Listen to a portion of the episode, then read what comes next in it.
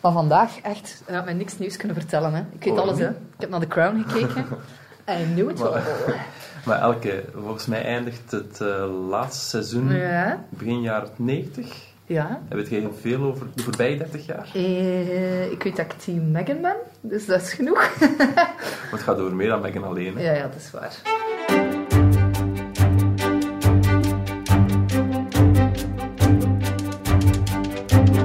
Wordt het Charles? Wordt het William?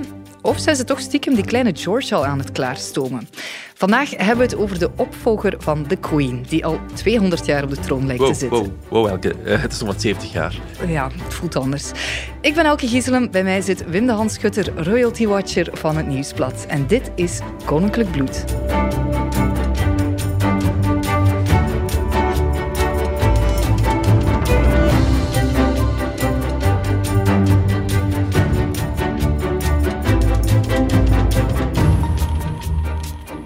Dag Wim. Dag Elke. Ik zit hier met mijn kop eh, English breakfast tea, want eh, we zijn toegekomen aan mijn favoriete koningshuis, het Britse. Ja. Eh, grote fan van The Crown, hè? Ik Ja, trouwens, ja. heb jij, jij gekeken? Ja, ja, ik volg ook al afleveringen. Ja, ja, ja.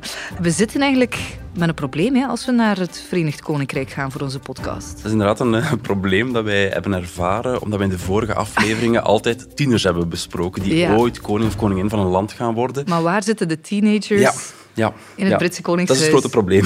Ja. We hebben ten eerste Prins Charles, dat is de eerste in de lijn van de Een troonopvolging. zeer oude troonopvolger, ja. 73 jaar, de langst zittende troonopvolger ter wereld op dit moment. Oh god, ja. Na hem komt William, dat is zijn zoon, ondertussen Mhm. ook al 39 jaar. 39 al. Ja, ja, ja. ah als ja, je- amai, ik dacht dat hij jonger was. Of die, die lijkt zo... Ja, een beetje tijdslozer of zo dan ons allemaal. Maar niet Ja, dus. ik hoop ook altijd jonger te zijn dan ik uiteindelijk eh, ben. Dus, eh. en eh, na William, dus onze bijna 40-jarige tweede in de lijn van de troonopvolging, Ja. komt eh, prins George. Dat is Ja. zijn oudste kind, Mhm. zijn zoon. Die is ondertussen acht jaar en zit ook nog op de lagere school. Dus Ja. je hebt verschillende generaties die, ehm, die in aanmerking komen. Zouden ze dan niet gewoon Charles kunnen overslaan en meteen naar William gaan? Nee, nee, dat kan niet. Nee? Charles die moet de volgende koning worden. En het Britse Koningshuis die sluit op dat vlak ook echt wel eh, de rangen. Dat heb je begin 2020 gezien. Toen heeft de Britse Queen op de officiële kanaal van Buckingham Palace een foto eh, gepubliceerd eh, Mhm. van zichzelf met Charles, William en George. Vier generaties, de toekomst van de Britse monarchie. Mhm. Om ook een nieuw decennium in de verf te zetten. En, maar ja, er is wel wat discussie over geweest. Harry die en, foto? Ja, over die foto inderdaad. Ah, ja. Harry en Meghan deden daar lastig over. Ja, ik zie die hier. Dat ziet er een heel gewone foto uit. De Queen in een wit jurkje en George ook wit hemdje. Charles en eh, William, ja, de, de troonopvolgers. Hè. Ja, maar zo onschuldig vonden Harry en eh, Meghan dan niet. Vooral eh, Meghan, blijkbaar, Ja. volgens een recente biografie, zag ze daar een geheime code in. Een, een signaal dat zij eigenlijk geen rol niet meer speelde aan het Britse Hof. Ehm, omdat Omdat zij er niet op stond. Omdat zij daar niet op stonden. Dus dat zij overbodig waren. En volgens hen was het ook een samenzwering van de hele firma, de firm, zoals ze dan heet, de instelling. Dus ze zagen, ze zagen daar een samenzwering in tegen Harry en Meghan dan. Ik voel me al, ik moet zeggen, kijk, ik ga mij meteen outen, nu dat we hier toch aan het begin van de podcast zijn. Wim, ik ben team Meghan. En ik Mhm. voel hier alweer zo, ah, dat zijn weer die tabloids die dat zo wat draaien om Meghan er negatief te laten uitkomen. Ja, het was, het was eigenlijk een ideetje van eh, Prins Charles blijkbaar, die, eh, die foto. Omdat hij ook veel langer al het idee had, de Britse monarchie, we moeten die toch een beetje afslanken. Het koningshuis op zich, Ja. enkel maar degenen die ooit op de troon gaan komen, die moeten er eh, rond te doen zijn. En sowieso vond ik die kritiek van Meghan ook een beetje vreemd. Want op dat moment, toen die foto gepubliceerd Mhm. werd, enkele weken later, maakte de Brexit bekend. Dus het feit dat zij het eh, Verenigd Koninkrijk gingen verlaten en dan de plas gingen over, de oceaan gingen oversteken. Dus het was toch wel een beetje raar. Het zou raar zijn dat, dat zij binnen die twee weken die beslissing hebben genomen nadat die foto gepubliceerd was. Dus dat besluit stond al veel langer vast.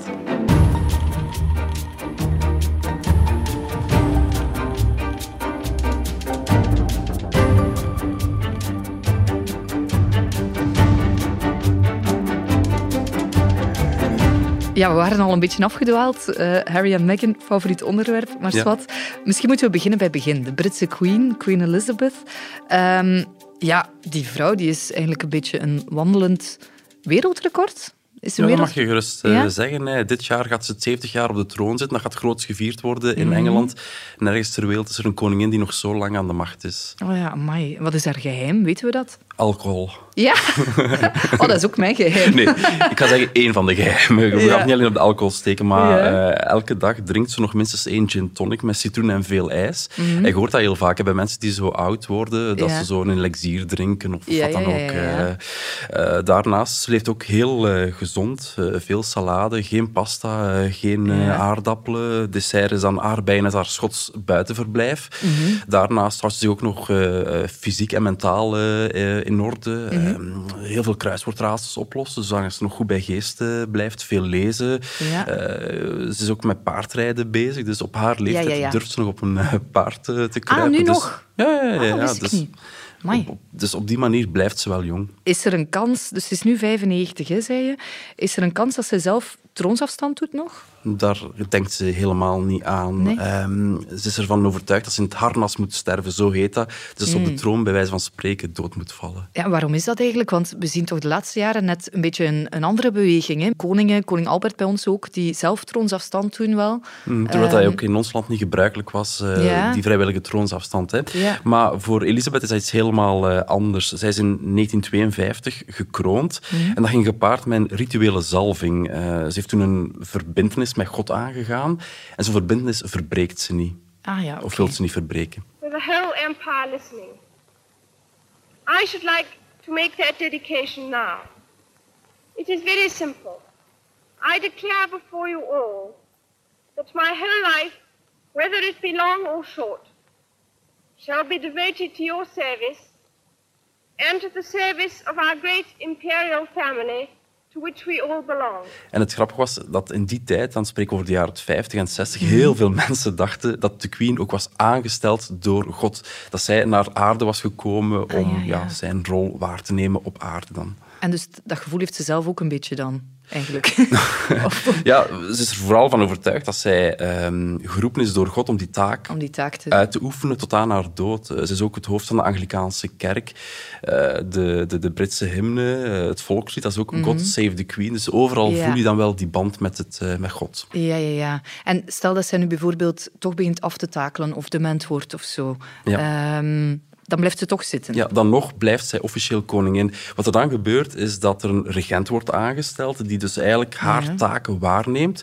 Dat is in dat geval dan eh, prins Charles. Maar zoals gezegd, zij blijft echt tot aan haar dood koningin in titel. De laatste tijd waren er toch ook gezondheidsproblemen hè, bij haar? Ze is in het ziekenhuis beland en heeft daar ook een nacht doorgebracht. En dat was al jaren geleden dat dat gebeurd was, dat ze in het ziekenhuis moest Mm. eh, overnachten. We hadden haar ook een paar keer met een wandelstok gezien, wat ook al heel lang eh, geleden was. Dus in combinatie met haar leeftijd en wat we dan van nieuws uit het ziekenhuis hoorden, ja, dat, dat, dat, dat bracht toch wel wat paniek teweeg in Ja, Engeland ja. en in de rest van de wereld. Ik neem aan, er ligt waarschijnlijk wel een heel plan klaar. Stel dat ze Een eh, draaiboek, ja. zou overlijden. Ja. Ja, een draaiboek en dat heet officieel Operation London Bridge. Aha.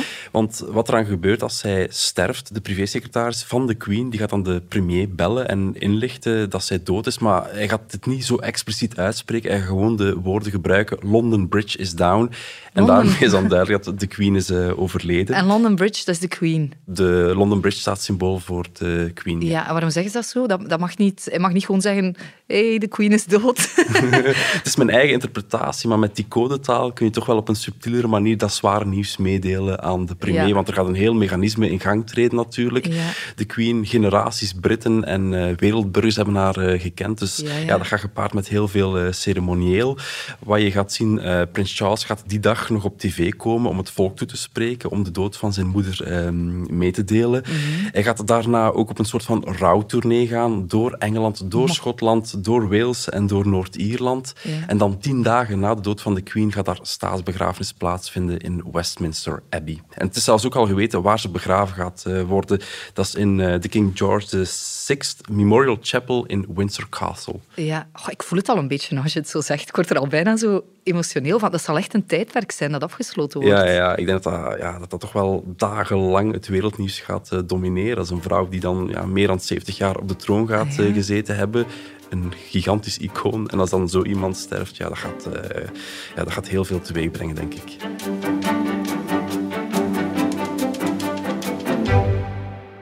Dus stel, Operation London Bridge gaat door. Dan is het de beurt aan Charles, kan koning worden. Hij is nu al 73 jaar. Ik kan me inbeelden dat dat dan een moment zou zijn waarvan hij misschien al bijna niet meer kon geloven dat het ooit zou komen. Ja, het moet toch frustrerend zijn om al zo lang heel uw leven in, in de wachtkamer te zitten eigenlijk. Dat moet frustrerend zijn, maar het heeft ook iets heel dubbels natuurlijk. Hè. Ja. Ehm, Charles die moet wachten tot zijn moeder doodvalt, om het zo cru te zeggen, om Mhm. aan zijn levenstaak te kunnen beginnen. Dat is wel iets heel raar natuurlijk. Hè. Dus dat je pas ehm, kunt beginnen werken waarvoor Ja. dat je geboren bent Ja. als je moeder sterft. Dus eigenlijk zit je een beetje te... Ja, hopen is misschien een te groot woord. Of, Ja, eh, het brengt een innerlijke tweestrijd volgens ja, mij ehm, eh, in iemand teweeg. In dit geval dan in, eh, bij Charles. En is dat eigenlijk zo bij hem? Dat hij, zou hij echt, zit hij te wachten of hoopt hij, wil hij snel die troon bestijgen? Want ja, Als je al ja, meer dan 60 jaar wordt voorbereid op die taak. Ja. Ja, in ehm, 1969 is hij gekroond als de Prins van Wales. Dat is dan de officiële titel van de troonopvolger. Als je dan al zo lang sindsdien wordt voorbereid op die taak, ja, dan wil je toch vroeg of later eens aan beginnen. En ondertussen Ja, is hij ja. 73. Dus het is het moment wel van, ja... eh, hij ziet zijn generatiegenoten bijvoorbeeld. Die hebben al jarenlang, decennia gewerkt en zijn al lang met pensioen ondertussen. En hij heeft ja. eigenlijk nog niks kunnen doen als koning. Dus in ja. die functie is hij nog altijd werkloos. En heeft hij daar ooit eh, zelf officieel iets over gezegd? Of in de openbaarheid? eh? Dat is wel al eens gebeurd. Bijvoorbeeld in 2012, eh, Mhm. de Britse Queen zat toen 60 jaar op de troon, is toen heel groots gevierd in Engeland met verschillende evenementen. Ja. En zo op het einde van een van die evenementen ehm, komt Prins Charles op het podium samen met zijn moeder, dus eh, Queen Elizabeth. En hij geeft daar een speech en hij vertelt dan dit. Your Majesty, a Diamond Jubilee is a unique and special event.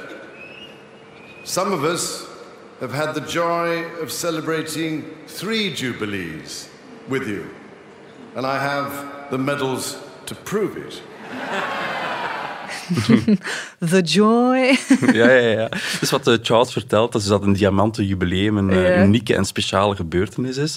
En dat sommigen al het geluk hebben gehad dat ze drie van die jubilea hebben kunnen eh, vieren met haar.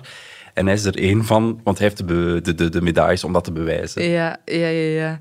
Is het eh, geen idee om hem over te slaan en direct... Ik heb het daarnet ook gevraagd, hè, gewoon direct naar William eh, te gaan. Zijn, zijn er Hm. mensen die daar anders over denken dan hij zelf? Er zijn heel veel Britten die dat eigenlijk wel willen. Er zijn, Ja? Om de zoveel tijd worden er wel enquêtes georganiseerd. En een van die recente enquêtes die zei dat eh, 47% van de Britten willen dat William op de troon komt voor Mhm. Charles. En maar eh 27% Charles eh, de voorkeur geven. Ja, ja, ja. Zou je dan niet beter gewoon zeggen van... Oké, William, het is aan jou. Nee, nee, dat kan eigenlijk niet. Hè. Dat is, dan zou je de grondwet eh, schaden daarmee. Eh, Charles is de eerste in de lijn van de troonopvolging, dus de troon komt hem toe als zijn eh, moeder sterft. En ik denk ook dat het voor een monarchie geen goed teken zou zijn als, dat, eh, als, dat, als aan dat principe zou geraakt worden. Want een Ja. monarchie dat is echt gestoeld op continuïteit, op traditie. En als je dan opeens de regels gaat eh, veranderen, ja, dan ga je echt wel tornen aan het instituut dat de monarchie is. Dan stort het Verenigd Koninkrijk in. of zo voelt dat Ja. wellicht. Eh, hoe komt dat eigenlijk dat hij zo onpopulair is? Een van de belangrijkste redenen moet ongetwijfeld wel zijn huwelijk met Diana geweest zijn. En de hele commotie die erover was. eh, Het bedrog dan met eh, Camilla. Eh, dus dat is heel zwaar op zijn populariteit eh, gewogen. Daardoor is hij echt niet geliefd geweest. Een van de momenten die hem ja, heel veel pijn moeten gedaan hebben, is het interview dat Diana midden jaren 90 heeft gegeven aan de BBC. En toen heeft Ja, zij ja, ja, ja. een legendarische uitspraak gedaan. Do you think Mrs. Parker Bowles was a factor in the breakdown of your marriage? Well, there were three of us in this marriage, so it was a bit crowded. We waren met z'n drieën in het huwelijk, zegt eh, Diana. En dat was een beetje druk. Zeg maar, dat interview, zij is toch eh, ja, gemanipuleerd of onder druk gezet om dat te geven hè, aan die, BBC-journalist. Ja, er waren al jaren geruchten dat Diana toch onder druk dat interview heeft eh, gegeven. En dat is dan ook officieel onderzocht. En daar is onlangs uitgebleken inderdaad dat er valse voorwendselen werden gebruikt door eh, de journalist om haar zover te krijgen dat ze dat explosief interview heeft gegeven. Ja, want dat interview dat heeft hem echt wel heel veel kwaad gedaan hè, qua, qua imago. Absoluut. Absoluut. Uh, sowieso had je al die tegenstrijd. Uh, Diana werd opgehemeld, dat was de mhm. heilige. En Charles, dat was een duivel, de, de slechte in het uh, verhaal. Terwijl het volgens mij wat genuanceerder gaat zijn, dat de waarheid ergens in het midden gaat liggen. Ja. Maar dat interview heeft hem echt niet goed gedaan, klopt. Ja, ja, ja. Ik moet zeggen, wat vind jij eigenlijk? Ga ik je de balans opmaken van, mhm. van het huwelijk en zo? Ik, ik moet zeggen, want dus ja, heel veel van mijn informatie haal ik uit The Crown. Op voorhand dacht ik, ja, Charles, ik zag die als 100% de slechterik, maar The Crown heeft mij iets milder gemaakt. Ja, ja. Door zijn, zijn, moeilijke jeugd en ja, zo. Ja, zoals ik zei, van, ja, Diana werd altijd afgeschilderd als de heilige. Dat was de vrouw die zich inzette voor het uh, goede doel, mm die eens bespreekbaar maakte, die naar oorlogsgebieden ging om daar uh, mijnenvelden te gaan uh, bezoeken. Ehm, die ook de bedrogen echtgenote was. En Charles was degene die overspel pleegde. Ehm, maar vergeet ook niet ehm, dat Camilla eigenlijk zijn eerste grote liefde was. Dat hij niet met haar kon, mocht trouwen. Ja. Uh, ik kan niet zeggen dat hij gedwongen werd om met Diana te trouwen, maar vanaf het begin zat, zat dat huwelijk toch niet helemaal... Camilla mocht gewoon niet. Hè? Dat, dat was inderdaad wel heel duidelijk. Hij moest op zoek naar iemand anders. Ja, en dat... Ik ga me eigenlijk een beetje bekennen dat ik uh, toch een stiekem een fan ben van Charles. Ja. Omdat, oké, we, mogen, um, ja, we mogen niet vergeten dat Diana diep ongelukkig was, dat ze eigenlijk ook de mm. dood werd ingejaagd uh, door paparazzi, dat zij waarschijnlijk ook een slachtoffer is geworden van haar huwelijk. Ja, ja, absoluut. Aan de andere kant we, we, mogen dan niet vergeten wat er gebeurd is met haar, maar we moeten ook allemaal een beetje in context uh, plaatsen. Uiteindelijk mhm. heeft hij... Dat vind ik eigenlijk mooi aan het verhaal van Charles, dat hij toch zijn hart heeft gevolgd, dat hij uiteindelijk toch kunnen trouwen met uh, de grote liefde, zonder dat we de nalatenschap van Diana daarmee willen uh, bezoedelen natuurlijk. En hoe kijkt het Britse volk daar ondertussen naar? Hebben ze hem vergeven of, of hoe... Ja. Hoe zit die perceptie? Uh, je zit nog altijd duidelijk met twee kampen. Uh, aan de ene kant de mensen die het hem niet kunnen vergeven. Dat hele drama met uh, Diana. Mm. hem ook verwijten dat hij bijna haar de dood heeft ingejaagd. Die ook zoiets hebben van dat imago van Charles. Dat hangt toch aan elkaar van negatieve zaken. Dat een driftkikker is, een bemoeial. het is ook de man die eindeloze brieven schrijft naar ministers. Terwijl hij daarmee ah, ja, zijn ambt van royal daarmee overschrijdt. overschrijdt. Zij moeten neutraal blijven. Hij doet dat niet. Hij schrijft brieven naar ministers om te klagen dat ze op school slechte maaltijden krijgen, de kinderen dan. Ah, echt? Dus uh, inhoudelijk gaat hij proberen ja, ja, eigenlijk beleid te beïnvloeden of zo dan? Ja, ja, op die manier natuurlijk. Ah, wow. uh, en aan de andere kant heb je het kamp van voorstanders van uh, Charles, die mm. zoiets hebben van, ja, hij heeft de liefde van zijn leven gevonden, hij is daarmee kunnen trouwen, heel romantisch. die zeggen, ja, oké, okay, ik kan wel bemoeiziek zijn, maar hij raakt wel punten aan die belangrijk zijn. Het is belangrijk dat kinderen goede mm. maaltijden krijgen op school. Hij is ook bezig met de klimaatverandering en dergelijke. Oké, okay, dat is bewonderenswaardig voor, voor die mensen. En het is ook een man met heel veel humor. We hebben hem er juist al horen speechen, uh, maar op mhm. hetzelfde moment heeft hij ook dit gezegd. And if I may say so, Your Majesty, thank God the weather turned out fine.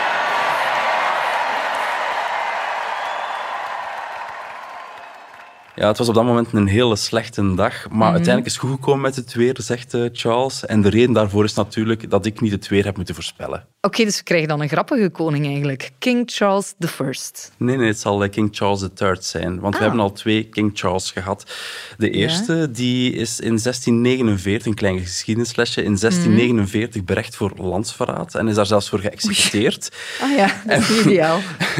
en, uh, zijn en de zoon, tweede? Ja, dat was zijn zoon, koning Charles II, die stond bekend om zijn vele affaires. en wat hmm, ook... Dat is misschien wel herkenbaar. Ja, en de, uh, de regeerperiode van die Charles II, ja. Uh, toen is er ook heel veel in Engeland gebeurd, heel veel uh, drama's, zoals de grote brand van Londen in 1666 hmm. en ook de grote plaag. Dus ja... Nou ja, oei, dat belooft niet zoveel goeds dan eigenlijk. Nee, en daarom, zo gaat het gerucht, wil Charles ook niet koning Charles III heten, maar hmm. zou hij een andere naam aannemen, ah. koning George VII. George. Zoals zijn kleinkind eigenlijk. Ja, want de volledige naam van Charles is eigenlijk Charles Philip Archer George. Dus zijn derde of zijn vierde voornaam zou dan zijn, uh, zijn naam als koning worden.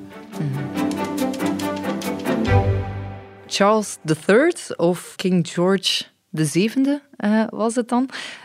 Prins William die, die is eigenlijk mhm. volgende in rij dan. Uh, het is ook niet voor meteen voor hem. Uh, eerst nog de Queen, dan uh, zijn vader, Prins Charles. is hij er dan al heel erg mee bezig? Hij is er nog niet echt mee bezig om de reden die we bij Charles hebben vermeld. Dus William moet erop rekenen dat zijn grootmoeder eerst overlijdt, de Queen, mhm. en dan zijn vader, Charles, als die dan koning wordt, pas na de dood van zijn vader kan hij op de troon komen. Dat is eigenlijk de reden waarom hij er nog niet mee bezig is. Dat heeft hij ook gezegd in een interview met, uh, met de BBC.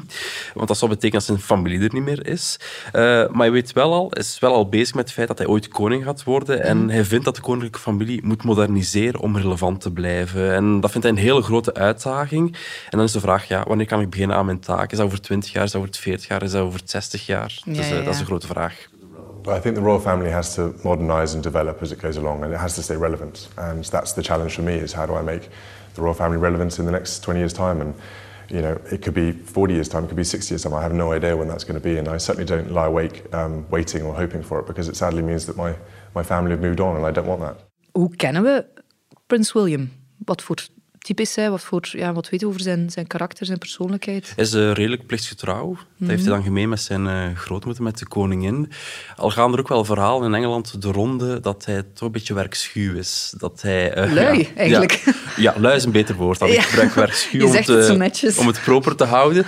Maar ja, dat is, dat is het verhaal dat de ronde doet. Hè. Dat hij zich te weinig inzet als prins. En dat hij daar op dat vlak toch wel waar nog, ja, nog werk voor de, voor de boeg heeft. Je verbaast mij. Maar dus in de zin dan van, hij doet zijn koninklijke taken uh, niet genoeg, of hij zou er meer kunnen doen? Of Hij zou veel meer taken op zich kunnen nemen om de koninklijke familie een beetje te ontlasten van een drukke agenda. En nu is hij dan meer bezig met zijn eigen gezin of zo? Ja, hij, eh? heeft, uh, is getrouwd, heeft dan drie kinderen uh, ondertussen. Ja. Dus dat hij veel meer daarmee bezig is dan met het werk voor de troon. Eigenlijk heeft hij daar op dat vlak, vinden veel mensen, nog niet de goede balans gevonden. Ze geven hem wel, of ze gunnen hem zijn recht op zijn privacy, op zijn gezinsleven, mm maar ze zouden hem ook wel iets graag in het openbaar zien. Dat ze toch de indruk hebben van dat een prins is die, die, die, die werkt voor zijn kosten. Ja, ja. Ik moet meteen aan zijn jeugd denken eigenlijk daardoor. Allee, mhm. Is dat niet daardoor? Heeft zijn moeder verloren op zo'n jonge leeftijd? Ga je dan niet automatisch, nu het nog kan, veel meer tijd in je gezin steken? Eh, Want die jeugd... Dat gaat, ja wat er met zijn moeder is gebeurd, dat, dat gaat een heel grote impact hebben gehad op hoe dat hij ook tegen zijn eigen huwelijk en zijn gezinsleven aankijkt. Mhm. Ten eerste, ehm, wat er met zijn moeder is gebeurd voor haar dood. Uh, ja, uh, wat mentale hij, problemen ook. Ja, bij, ja bij zijn, zijn, moeder werd dan geconfronteerd met eetstoornissen omwille van wat er allemaal met Charles was gebeurd en het bedrog uh, met Camilla. Mm. Um, ze was heel ongelukkig, depressief. Ja. Er Als verhaal... merk je dat toch ook, hè? of, of je pikt mm. dat op? Hè? Ja, ja, ja, er zijn verhalen bekend, bijvoorbeeld dat William... Ehm, je kunt hem eigenlijk een beetje de psycholoog van zijn moeder noemen. Eh, hij was heel hard begaan met haar. Hij zag dat zij diep ongelukkig was. En het het meest schrijnende verhaal vond ik dan wel dat hij blijkbaar als kind, ehm, als zijn moeder zich had opgesloten in de badkamer en hij hoorde haar wenen, mm. ging hij aan de deur zitten en ging hij met haar praten. Stak hij ook briefjes onder de deur om te zeggen van ja, mama, ik vind dat heel erg dat je diep ongelukkig bent, dat je weent. Uh, ik wil dat je gelukkig bent. Dus hij was oh. heel hard met haar uh, begaan. Dus hij zag dat zij heel ongelukkig was. En dan komt er ook die dramatische dood van haar in dat verkeersongeluk in, uh, in Parijs in 1997.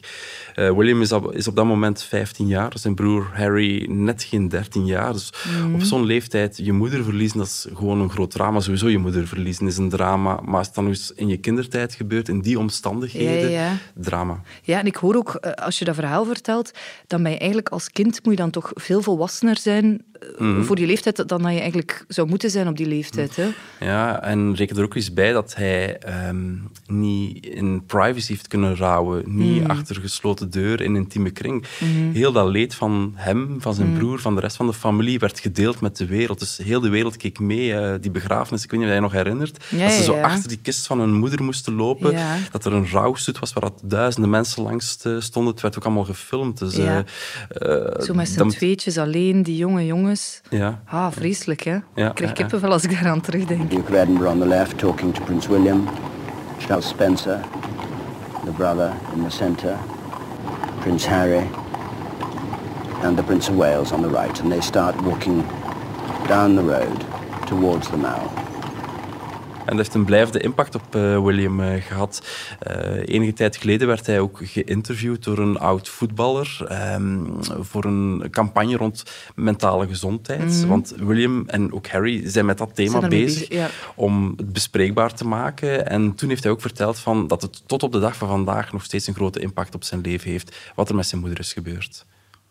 Yeah, so I mean, I, I can relate to what you're saying, Marvin. I mean, having children is you know the biggest life changing moment. It really is, and I, I, agree with you. I think when you've when you've been through something traumatic in, in life, and that is, like you say, your dad not being around, my mother dying when I was younger, your emotions come back in leaps and bounds. Dus wat William hier net uh, zegt, als je iets traumatisch hebt meegemaakt, is het niet dat je vader uh, tijdens je jeugd afwezig was of je moeder stierf als ze uh, jong was. Al die emoties uit die tijd die komen terug bij grote gebeurtenissen later in je leven, omdat je ook in een andere levensfase zit en dat je die emoties nog eens doormaakt op een andere Mm, manier. mhm. En dat bewijst eigenlijk, die uitspraak eh, van William, dat ook de dood van zijn moeder zoveel jaar na haar dood is, nog altijd op zijn relatie, op zijn huwelijk met, eh, met, met Kate heeft gewogen. Ja, ja, want ik kan me inbeelden, als je moeder eigenlijk ja, de dood ingejaagd is door paparazzi, kunnen we Mhm. wel zeggen dat dat een Ja. impact heeft op je beginnende relatie. Het moment dat, dat hij Kate leert Ja, ja. kennen en zo. Ja. Ja, ja, ja want ehm, eigenlijk, ze kennen elkaar wel al heel lang, eh, iets van zeven, acht jaar of zo. Mhm. Eh, hij wou, William dan, wou Kate echt wel beschermen tegen die media-aandacht, ook tegen Ja. die negatieve aandacht van de publieke opinie. Dus hij wou haar in Mhm. bescherming eh, nemen. Hij wou haar ook laten wennen aan het prinsessenleven. Vandaar dat hij ook zo lang heeft gewacht om dat huwelijksaanzoek te doen. Kate Ja. werd dan Waity Katie Waity genoemd, Katie, ja, omdat, is eh, omdat dat huwelijksaanzoek eh, uitbleef. Want, ze waren, want je zei net, ze kennen elkaar al, al zeven jaar. Ze waren al zeven jaar samen ook, effectief. Ja, ze hebben elkaar op de universiteit leren kennen. Ja. En dat is eigenlijk het verschil met, eh, met het verhaal van Charles en Diana. Diana was begin de twintig toen ze voor het altaar stond. Toen ze Mhm. moest trouwen Ja. met Charles. Of mocht trouwen met Charles, zal ik dat maar zeggen. Dus zij werd er echt wel ingegooid. Ze kenden elkaar Ja. nog niet lang. En het voordeel van William en Kate, ze hebben heel lang kunnen, eh, kunnen daten, elkaar kunnen aftasten. En Kate heeft wat kunnen wennen aan het prinsessenleven. Hè.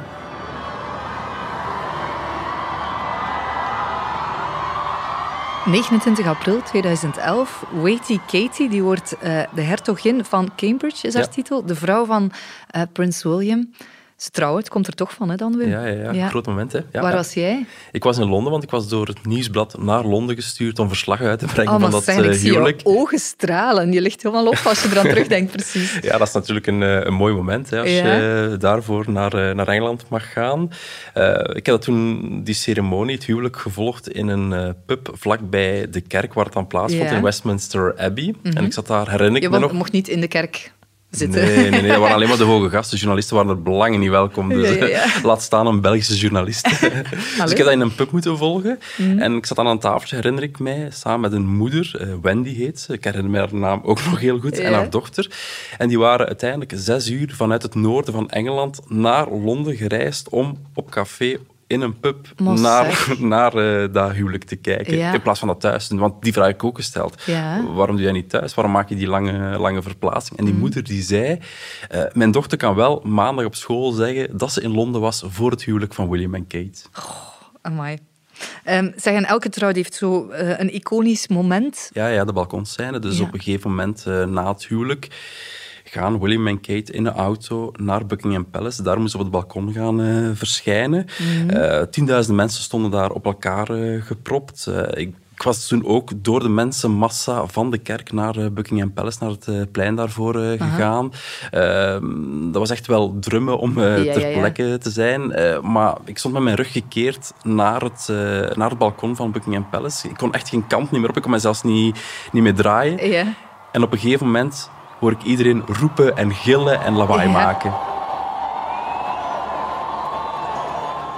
Ze hadden gekust. Ja, dat maakte ik toch uit het eh, gejoel op. hebt het ik heb niet kus, gezien? Nee, ik heb de kus niet gezien. Maar ik kan wel zeggen dat ik in Londen was voor het huwelijk van William en Kate. Ja, en voor de kus, denk en voor je. de kus, ja, denk ik inderdaad. Ja, ja, ja, ja. Ik herinner mij dan nog dat momentje en hij speelde daar een beetje mee. Zo, er was op een bepaald moment dat hij nog eens keek naar het publiek, zo van, moet ik nog eens doen? En weer dat gejuich, en dat hij haar nog eens kuste. Maar mij zal hij niet gezien hebben dan. Nee.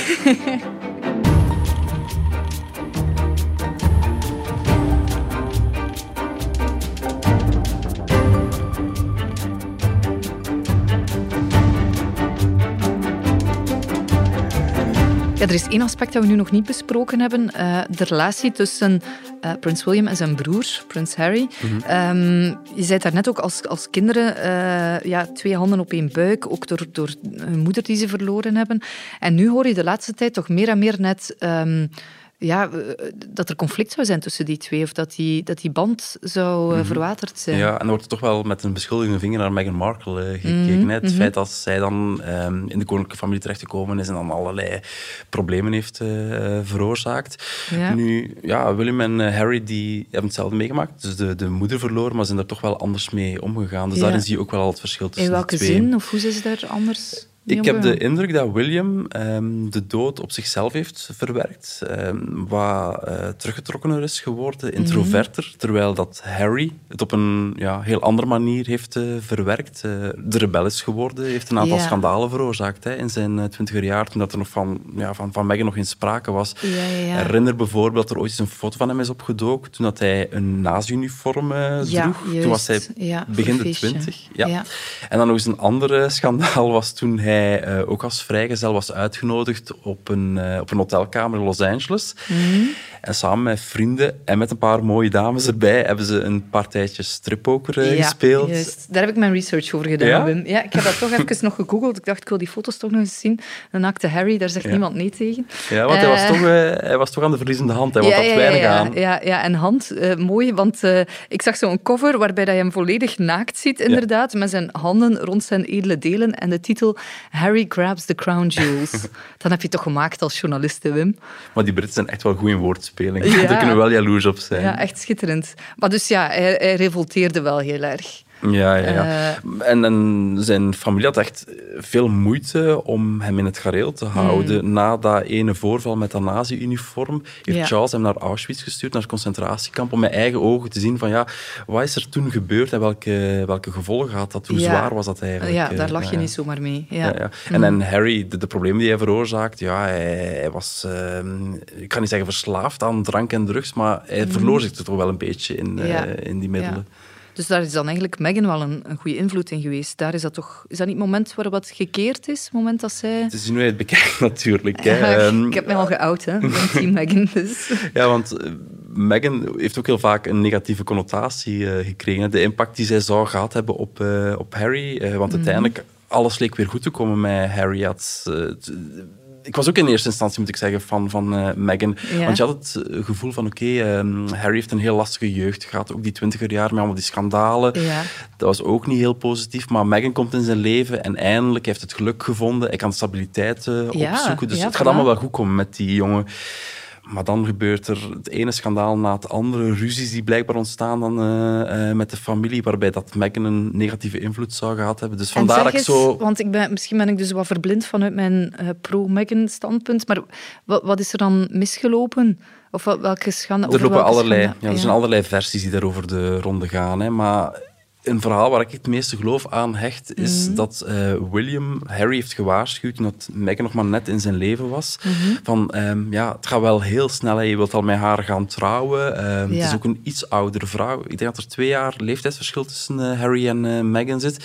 Dus hij heeft zo'n aantal waarschuwingen gegeven van, ja, doe Ja. het toch maar rustig aan. En hij voelde zich eigenlijk op zijn vingers getikt door zijn broer. Ja, we weten ondertussen, ja, Harry en Meghan die hebben beslist van kijk, wij trekken ons terug uit het Britse Koningshuis. Ehm, ja, die impact daarvan is waarschijnlijk niet te onderschatten. Hè?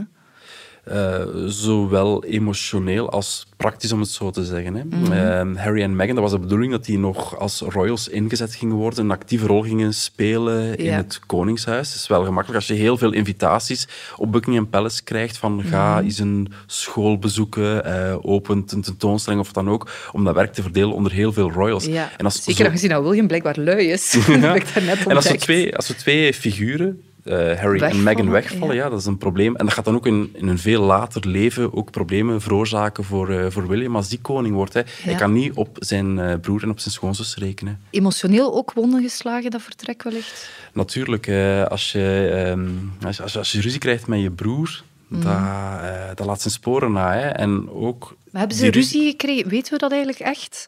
Want zo officieel... Ze spraken ook eh, lange tijd niet meer met elkaar. Hè. En dan geeft Harry ook nog eens interviews, onder meer bij Oprah Winfrey. Mhm. Zeg je daar bijvoorbeeld, ja, mijn, eh, mijn vader en mijn eh, broer zitten in een val, die kunnen geen weg uit. Ehm, dat laat wel zijn sporen na. hè. Ja. En hoe zie je dat nu voor de toekomst? Gaat dat, komt daar nog zo terug een toenadering tussen die twee broers? Ik hoop het alleszins van wel. En ik denk ook dat dat belangrijk is ter nagedachtenis van Diana. Als Mm. zij, nu gaan we even melig worden, eh, als zij vanuit de hemel zou toekijken Ja, ja, ja. naar wat er met haar zonen gebeurt, wat die in de clinch liggen met elkaar. In zekere zin hebben ze weer toenadering tot elkaar gezocht afgelopen zomer, eh, als je het nog herinnert. eh, ja, is- bij de begrafenis het- van prins Philip? Is het daar naar... Dat is één aspect. Dat was dan in april vorig jaar. De Ah, begrafenis, dat ze voor het eerst werden herenigd na maanden van... dat, ze, dat ze elkaar niet gezien hadden en ook in Mhm. conflict met elkaar lagen. Maar afgelopen zomer was Diana... Die zou dan 60 jaar geworden zijn. En toen is er een standbeeld voor haar onthuld in Mhm. Kensington Palace, in de tuin daar. Ja. En ehm, toen zijn de broers hebben dat beeld samen onthuld. Hebben ook met elkaar gesproken voor... eh, voor de camera's. Zagen eh, camera's registreren dat ze weer in, met elkaar communiceerden. ja. Dus dat was wel een beeld dat je had van oké, misschien gaat het ooit wel eens goed komen tussen die twee, hopelijk dan.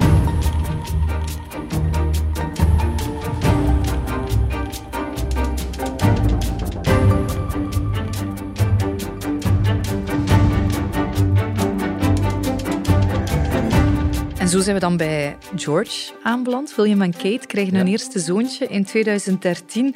Ja, ik herinner mij nog, ik werkte toen bij VTM Nieuws. Eh, die journalisten hebben daar toen dagenlang gekampeerd aan dat ziekenhuis. Hè? Ja, ja, met tientallen stonden ze daar, eh, laddertjes en eh, plaatsen gemarkeerd, zodanig dat zij eh, verzekerd waren van een plek. Want ja, Ja. je moest maar eens op het verkeerde moment even een koffie gaan halen en je bent je plaats kwijt. Hè. Zo belangrijk was die nakende geboorte van prins George. Ja, ik zie dat echt nog voor met die muur van pers, inderdaad. En dan Mhm. William en Kate die naar buiten komen met... eh, Ja, en dan worden al die journalisten en cameraploegen beloond voor het lange wachten. Ja. William en Kate die verlaten het eh, ziekenhuis. eh, veel geflits en een groep naar hen. En William die geeft samen met Kate dan nog een soort van statement voor de camera's. Mhm. En hij verklaart dat zijn zoontje een paar goede longen heeft. Dus Ja, ik vermoed stevig dat hij, kan huilen. Ja, inderdaad, Ja. dat hij stevig kan eh, huilen. Well, he's got a good pair of lungs on him, that's for sure. Uh, he's a big boy. En ook dat hij, godzijdank, de looks heeft van zijn moeder. Al is het er niet helemaal mee eens. He's got her looks, thankfully. Ja, en ik herinner mij vooral ook eh, dat Kate er zo perfect uitzag. Op het moment dat ze dat ziekenhuis verliet. En dat was redelijk snel ook na de geboorte. hè? Ja, ja, bij George was dat de dag na de geboorte. Mhm. Bij eh, het derde kind was dat zelfs al na zeven uur, eh, zeven Ja. uur na de geboorte. Dus dat was heel snel. Daar kreeg ze al kritiek op. En ook, zoals dat Ja. je zei, op het feit dat ze zo perfect gestyled was. Hè. Ze zat, Ja. ehm, de haren zaten perfect. Ja. Ze was mooi gekleed. Eh, ze stond op hoge hakken. Ze had make-up buikje aan. te zien, dat herinner ik mij ook Het was eigenlijk het perfecte beeld. Iemand die net bevallen was. Een vrouw die zo'n zware bevalling achter de rug had. Dat die al zo perfect was. En dat tot drie keer toe. Hè. Bij al haar drie kinderen Ja, ja, ja, ja. zag ze er eh, perfect uit. Ja, maar ik kan me inbeelden dat dat een moeilijke positie is om in te zitten. Dat je ofwel ziet er inderdaad perfect uit en ga je mee in zo dat Mhm. plaatje zoals het hoort. Maar ze zou ook bakken kritiek gekregen hebben waarschijnlijk als ze langer zou gewacht hebben of, de- of er wat slonzig zou uitgezien hebben of zo. Ja, dus eigenlijk als royal kun je winnen, nooit echt goed doen natuurlijk. Hè. Eh, er, zal altijd, er zal altijd wel kritiek komen. Ja, ze staan daar dan met een babytje in hun armen. En ehm, opnieuw, ja, ik heb het al een paar keer gezegd in de podcast, je weet dan, dit kleine schepseltje wordt Hm. ooit, eh, in theorie in elk geval, koning van dit land. Hoe zit het bij hem? Weet hij dat al? Hij is nu acht jaar Mhm. en rond zijn zevende verjaardag heeft hij te horen gekregen dat hij ooit koning wordt. Waar William en Kate, moet dat zijn. ja, William en Kate die hebben hem blijkbaar in de zetel gezet. Ja. Zo, kijk jongen, we moeten nu eens belangrijk Ja. eh, vertellen. Zie wat oma doet. Die ontvangt mensen, Ja. die moet documenten tekenen, die moet op bezoek gaan bij allerlei mensen. Wel, dat ga je later ook doen. Je gaat ook koning worden. Ah ja, oké. En weten we wat zijn reactie was of niet? Ik denk dat hij op zich wel al iets aanvoelde. Dat hij Ja. toch wel een bijzonder kind was. Eh, Oké, hij is zeven jaar en het zal niet al helemaal zo doorgedrongen zijn. Maar je moet je eens voorstellen, eh, op, op de salontafel kunnen bijvoorbeeld tijdschriften liggen. En op de cover Mm. kan hij zijn foto zien staan. Ja, waarom staat hij op de cover van een tijdschrift? Ehm, er kunnen ook al klasgenootjes naar hem eh, toegekomen zijn om te zeggen van ja, we hebben van mama en papa gehoord dat, dit, dit. En, Hij onze dat kan- koning wordt later. ja, en wat ze zich ook zou kunnen afvragen, waarom moet ik met mijn familie op het balkon van oma haar paleis gaan staan, of dat van Buckingham Ja. Palace, en zwaaien naar het volk. Dat is bijvoorbeeld eh, al gebeurd de eerste keer vlak voor zijn tweede verjaardag. Toen nam Ja. hij deel aan eh, Trooping the Colour, dat is een militaire parade ter ere van de jarige koningin. En dat was een historisch moment, klonk het ook in de live-verslaggeving eh, van de, van de BBC, want het was Mhm. voor de eerste keer dat de vier generaties van de koninklijke familie op dat balkon stonden. Dus de koningin met haar drie opvolgers, Mhm. en ze samen naar het volk zwaaiden. Here we go. There he is. his first appearance on the palace balcony that he's going to know so well. Uh, short, shortly before his second birthday, there is Prince George, and what we see there is uh, it, it is a historic moment, genuinely historic moment here. It's the first time we've seen four generations of the royal family on the palace. Dus George uh, af en toe wel in, in de spotlight, zeg maar. Wordt hij op een bepaalde manier voorbereid daarop door zijn ouders? Hoe pakken zij het aan? Het is allemaal laagdrempelig en uh, spelenderwijs, maar wel heel concreet. Mm -hmm. uh, hij was nog maar acht maanden bijvoorbeeld, uh, toen hij al op officiële reis ging met zijn ouders. William en Kate hebben toen een tour gemaakt van, van 20 dagen door Australië en Nieuw-Zeeland. Mm -hmm. Ik denk dat George zich dat allemaal niet meer herinnert, maar ja, nee. op dat moment was hij er toch al. hij was ook nog maar zeven jaar toen hij op de Rode Loper liep. Zijn eerste Rode Loper samen met zijn jongere zus en broer. En ondertussen hoorde hij allemaal die camera's flitsen en de flitsen zelf zag je ook in zijn ogen flikkeren. Dus dat was ook al een moment dat hij besefte waarschijnlijk dat hij uh, een bijzondere rol speelde. Ja, ja, ja. En op die manier, hij komt ook heel regelmatig in beeld. Hè. We zien veel foto's van hem en zo. Mm -hmm. um, weet hoe hij daarmee omgaat, met zo die aandacht van de pers? Uh, misschien kunnen we het gewoon breder trekken, hè. gewoon de mm -hmm. publieke aandacht er ook bij. Um, als je beseft, hij is nog maar acht jaar. Desondanks is hij zich al heel goed uh, bewust van in welke wereld dat hij uh, opgroeit. Ja. En er zijn mensen die over hem zeggen dat hij ondertussen al heel zelfverzekerd is, ondanks oh, ja. die jonge leeftijd. En dat hij het ook wel leuk vindt om nieuwe mensen te ontmoeten. Dus dat hij best wel nieuwsgierig is en mm -hmm. dat hij ook helemaal niet nerveus wordt als hij, als hij die onbekende mensen tegenkomt. Ja, ja. En doet hij veel dingen dan uh, waarbij hij zo ja, een beetje taakjes dan, officiële... Uh, mm -hmm. ja, Prince George taakjes, of hoe moet ik het noemen? Zo officiële uh, ja. verschijnen en zo. Nu, hij heeft, hij heeft nog geen enkele speech gegeven, bijvoorbeeld, mm. maar uh, doet er nog een half jaar bij en is even oud als Elisabeth toen hij haar eerste speech ja. gaf. Herinner je ja. toen uh, de opening van het kinderziekenhuis in Tuzet Gent dan naar de prinses Elisabeth is genoemd. Dus het kan, allemaal, het kan allemaal wel heel snel gaan. Maar we hebben wel als een stem gehoord toen dat David Attenborough, de bekende bioloog, zijn mm -hmm. documentaire voorstelde, Life on Our Planet. Toen hebben de kinderen van Kate en William die documentaire gepromoot, omdat ze dan Ah. allerlei vragen mochten stellen aan, aan David Attenborough. Ja, oh, ik ben wel benieuwd. Ik heb zijn stem nog nooit gehoord, denk ik. Hello, David Attenborough. What animal do you think will become extinct next? Well, let's hope there won't be any. Because there are lots of things we can do when animals are reduced to a danger of extinction. We can protect them. Oh, zo schattig, hè? En zo echt ook zo dat Brits accent. Maar zo zie ik hem ook altijd voor mij. Hij is altijd ook zo heel een keurig Brits jongetje, hè? Ja, heel vaak met korte broek en polo-shirt. Ja. Uh, dat is een, volgens mij een filosofie van, uh, van Kate, om het ja. heel tijdloos en klassiek te maken, zodat die foto's ook nooit gaan verouderen. Dus als je mm. die foto's over 20, 30 jaar of over een eeuw gaat terugzien, mm -hmm. ga nooit de indruk hebben van oké, okay, dat is misschien in 2022 uh, gemaakt, deze foto. Dus ja. er zit wel iets achter. En dat is ook heel opvallend. Uh, um, afgelopen zomer, het EK voetbal. Ja. Uh, toen, werd, uh, toen werden Kate en William uitgenodigd om de finale bij te wonen. Engeland-Italië. Mm -hmm. En ze hadden ook George meegebracht. Hij zou dan denken, oh ja, die gaat dan zijn voetbalshirt ja, aantrekken. Als een echt, echt, echt, echt voetbalfan. Want dat is hij uiteindelijk. Hij is heel ah, hard met, met voetbal bezig. Maar hij stond daar in kostuum en stropdas. Een ah, kind echt? van acht jaar. Dan kan je toch niet goed juichen? Blijkbaar wel. Ik herinner me de beelden nog echt dat hij um, uit zijn stoeltje opveerde met de armen helemaal breed uitge, uh, uitgegooid. Hij was heel enthousiast, ondanks het feit dat hij een kostuum droeg. Mijn favoriete outfit van George blijft toch het moment dat hij in zijn kamerjas bij Obama verscheen. Ja, dat was wel een geniaal moment. Uh, mm -hmm. Dat was volgens mij... Dus uh, Obama was op bezoek in Engeland. Ja, ja, ja, ja. En een van de bezoekjes die hij dan ook bracht, was dan William en Kate op Kensington ja. Palace. En toen is inderdaad George naar beneden gekomen, want het was s'avonds. Ja. En hij mocht iets later opblijven. en als ik me ook nog goed herinner, heeft hij Obama een, gedemonstreerd dat hij heel goed met zijn hoppelpaardje uh, kon, ah, kon spelen. Ah, dat wist ja. ik niet meer. Ja, ik herinner mij vooral omdat um, Obama daar nog een grapje over gemaakt heeft op um, zo het jaarlijkse persdiner ja. uh, die er is, waarbij hij dan zo altijd een grappige speech uh, geeft. En daarin altijd ook over George, die zo gezegd al aan het wachten was op het einde van zijn ambtstermijn van Obama. Even some foreign leaders, they've been looking ahead, anticipating my departure. Last week, Prince George showed up to our meeting in his bathrobe. That was a slap in the face. Ja, als je al Obama ontmoet hebt, dan uh, is de conclusie ja. toch alleen maar dat je echt een, een, een, toch ook weet van ik heb hier wel een speciale rol. Wordt hij eigenlijk binnen zijn familie ook zo behandeld? Een beetje voorgetrokken of zo? Ik denk dat William en Kate er alles aan doen om hun kinderen evenwaardig te behandelen, om geen voorkeursbehandeling voor George eh, weg te leggen.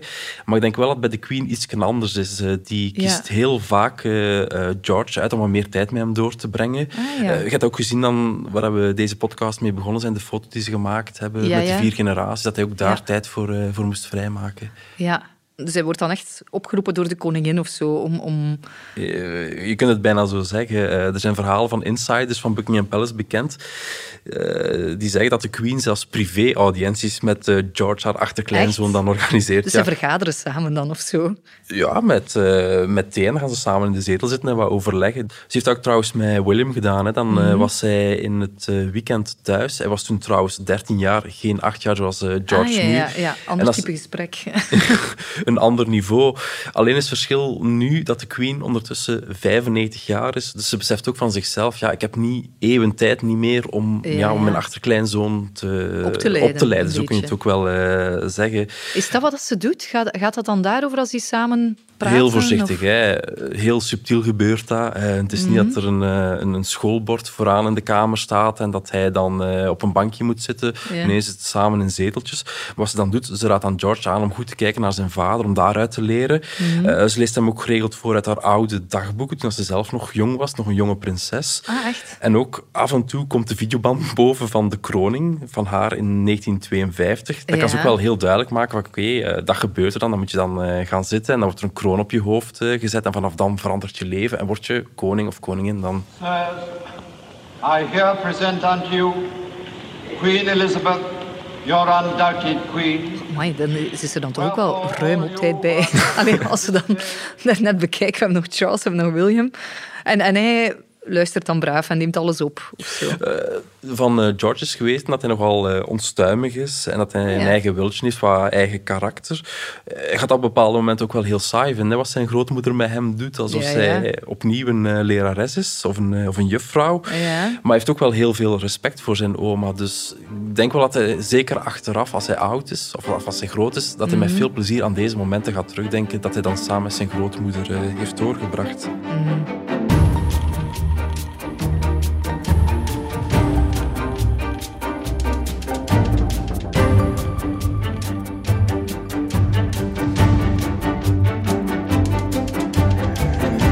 die manier hebben we dan de cirkel rondgemaakt, eigenlijk. De vier, vier generaties besproken eh, in het Verenigd Koninkrijk. In de vorige afleveringen hebben we het telkens ook kort eventjes gehad over de toekomst van eh, de monarchieën. Ik herinner me nog stevig verankerd in Nederland en in Noorwegen. In, bij ons in België iets meer onzeker, in Spanje zeker ook. Ja, het Britse koningshuis, Wim, ik heb het gevoel dat dat tot het einde der tijden is.